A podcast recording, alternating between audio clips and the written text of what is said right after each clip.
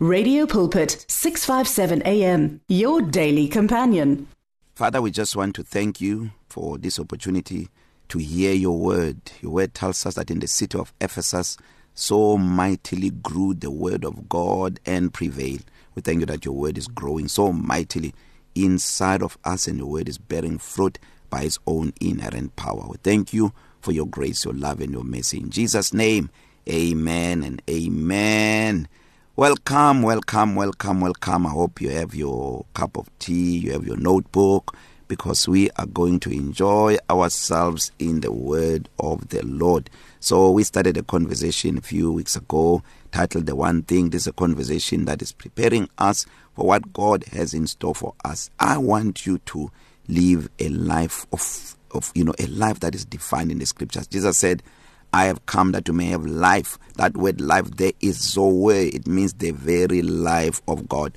You know, when you read the book of Colossians chapter 3 verse 1, it says um since we are raised with Christ to a new life, it says set your mind on things above where Christ is seated at the right hand of, of God. It says for we have died and our new life, our new life has been hidden with Christ in God. And when Christ, who is our life, appears, we shall appear with him in the splendor of his glory. I just like the part that says um um uh, when Christ who is our life. So Christ is our life. When Christ who is our life um um appear, we shall appear with him in the splendor of his glory. So you and I our lives are hidden with Christ in God. We are one with him. So on this conversation, you the one thing I'm encouraging you, you know to put things into perspective so that you look back to the year in December when you look back and begin to re- to make a review of the year how the year has been like. You are able to put the right mechanisms in place for your review because a lot of people are reviewing look looking at wrong things. The most you know a lot of people when they review the year and they build a house they are happy. They think they are successful because they build a house. But in that house you know Jesus is not reigning in that house. There is confusion there's problems and perpetual struggles you name them. They look at success and said I started a business. Those things are good you know. Don't don't take don't take me wrong. I'm not here crashing down you know the things that we achieve materially. But what I'm saying is even the world they achieve those things. I mean they are the worldly people sinful people uh, the the heathens that accomplish even much much more than that. You know you know I'm I'm sure you are aware that um uh, the devil said to Jesus if you would bow down and worship me I will give you you know all this wealth that you see. The bible says he took him on a high mountain and he showed him all the kingdoms of the world and their glory and he said these have been committed to me.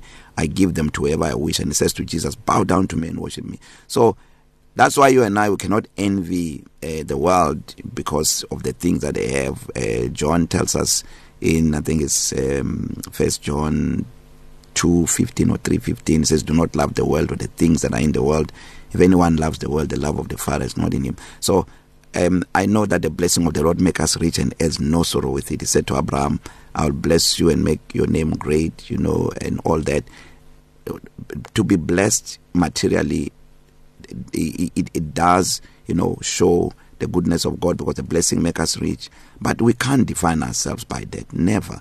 We can't define ourselves by that. If you look at uh, Genesis 1:28 especially in the amplified classic edition where uh, uh, the bible says God blessed them and God said to them be fruitful multiply and then he said replenish the earth and subdue it. And then in brackets it says using all the vast resources of earth in the service of God and man. So meaning the things that God bless us, they help uh, the, the things that God bless us with, they help us to fulfill divine purpose, but they should never define us because you can have material things but be troubled. You know, you can have material things and be sick. The Bible talk you look I'm saying the Bible because I'm a Bible man. When you read about Steve Jobs, Steve Jobs is a is, is a guy who died of cancer.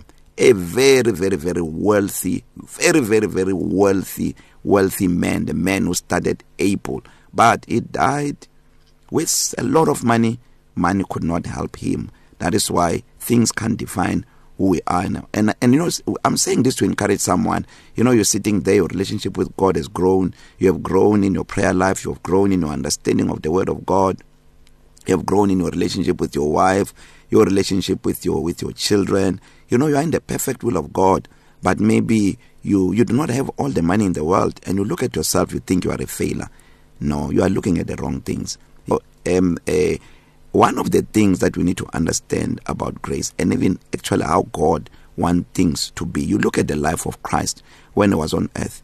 Jesus didn't come to earth to accumulate material things because he understood who he was and understood his ministry. Um there is a man I think is in the book of Matthew chapter 25 if I'm not mistaken. A man comes to him and said Lord I will follow you wherever you go.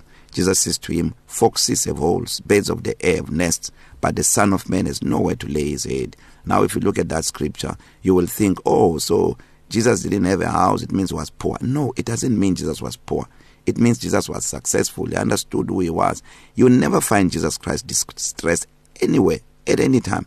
But he was not the one who accumulated things. He was not like Herod. Herod was always building you know um, mansions you know palaces fortresses and that's why Jesus called uh, a Herod a fox uh, living in holes. But Jesus Christ always walked in the open. He was here to fulfill divine purpose. And when he sat on that cross it is finished. He was not talking about the material things accumulated. He was talking about the fact that he walked his purpose to the full and did the unthinkable and followed God all the way to the end. And when he said it is finished he was saying it was like us looking at the year we have had and and saying wow the year was so successful. And yet it had nothing to do with material things but it had everything to do with divine purpose. So be encouraged if you are listening to this and you know you are doing well you used to struggle praying but you can pray now uh, more hours. You know you used to struggle reading the bible. You know there are people who they open a bible and read two verses and fall asleep like snow. Two verses and they are knocked out. And this year you know you look at 2023 you can open the bible and read the whole book of of John you know in a week. Yet in all the previous years combined you could not do that. That's what defines success. That's what defines progress. That's what defines growth. That you are growing in your personality you are growing in your character you are growing in your relationship with God. Because let me tell you that is the one thing that Jesus is speaking about that when you begin to grow in your relationship with God. In fact maybe on this episode let me take this close. Let me bring this you know home. When Jesus was talking about the one thing he was talking about a relationship. He was talking about a relationship. We appropriate him by you know um having a relationship with him. Remember Jesus said to his disciples he says I now call you friends. He says you're no longer servants, you are friends. Look at the nature of friendship. How how can you define friendship without fellowship? There's no friendship that can exist without fellowship. That is why when you read First John 1 verse 7, um the Bible says, if we walk in the light as he is in the light, we have fellowship koinonia with one another and the blood of Christ his son cleanses us from all unrighteousness. This is this this is a very powerful scripture. A lot of people use this as a scripture where you confess your sins and so on. If you do first John 1 verse 7 you will not need to go to first John 1 verse 9 if you confess your sins is faithful and just to forgive you and to cleanse you from all unrighteousness you will never get there. Trust me you will never get to first John 1 verse 9 if you stay in first John 1 verse 7 if you walk in the light as he is in the light you have fellowship with one another. So what does this mean?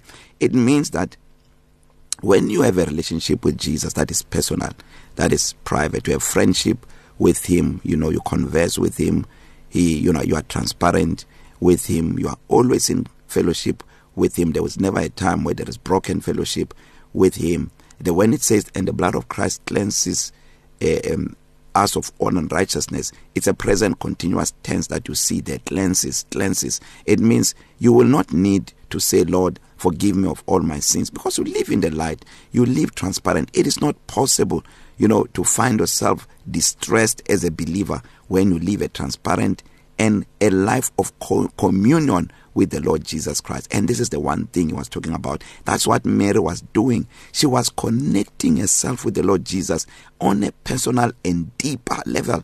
And this is what the rich young ruler was looking for in Mark chapter chapter 10. This is exactly what he was looking for. And when Jesus said to him, in in verse 21 the last part of verse 21 and come Jesus was saying come let me be your friend let me be your lord be where I am let me impart myself into you I will be the only one that can fill that void that you have so when we talk about the one thing because it's what we're talking about in this conversation we are talking about close intimacy with the Lord Jesus Christ. And let me tell you, there are certain things you will never understand about God. There are certain things you will never understand about your own life until you take your intimacy with the Lord Jesus Christ serious. Let me say this. People who are married will understand this with me better. What do you think is the one thing in your relationship with your partner that will that will sort out everything else every other issue in your life. What is that one thing? If you can answer right away, it could be maybe you never attended counseling or the counseling that you attended, there are some certain things that were missing.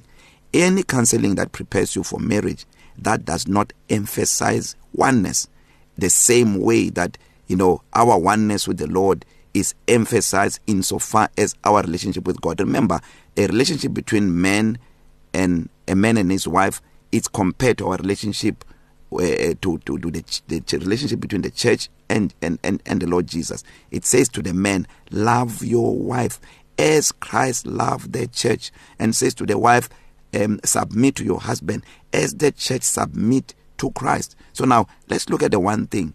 If fellowship is missing intimacy is missing between a couple that relationship will never stand.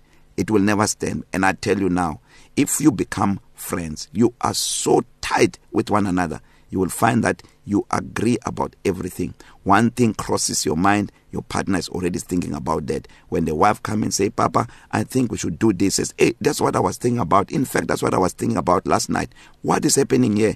The one thing is in place intimacy. Intimacy is key. If you are a christian you are not intimate with the lord jesus. I promise you the Holy Spirit is not at work in your life. Because Jesus, you know, the apostle Paul in Romans 8 verse 9 he says, if you do not anyone who does not have the spirit of Christ, he does not belong to God. He says you are not born again because what facilitate our our our born again experience is the Holy Spirit. That's what facilitate intimacy. So that one thing is intimacy with the Lord Jesus. And when Jesus said Mary has chosen that good part, is the Greek word merida, which means a portion or a share. So he says, Mary has chosen to be intimate with me. And that's what you need, Martha. That is what is needed intimacy with the Lord Jesus.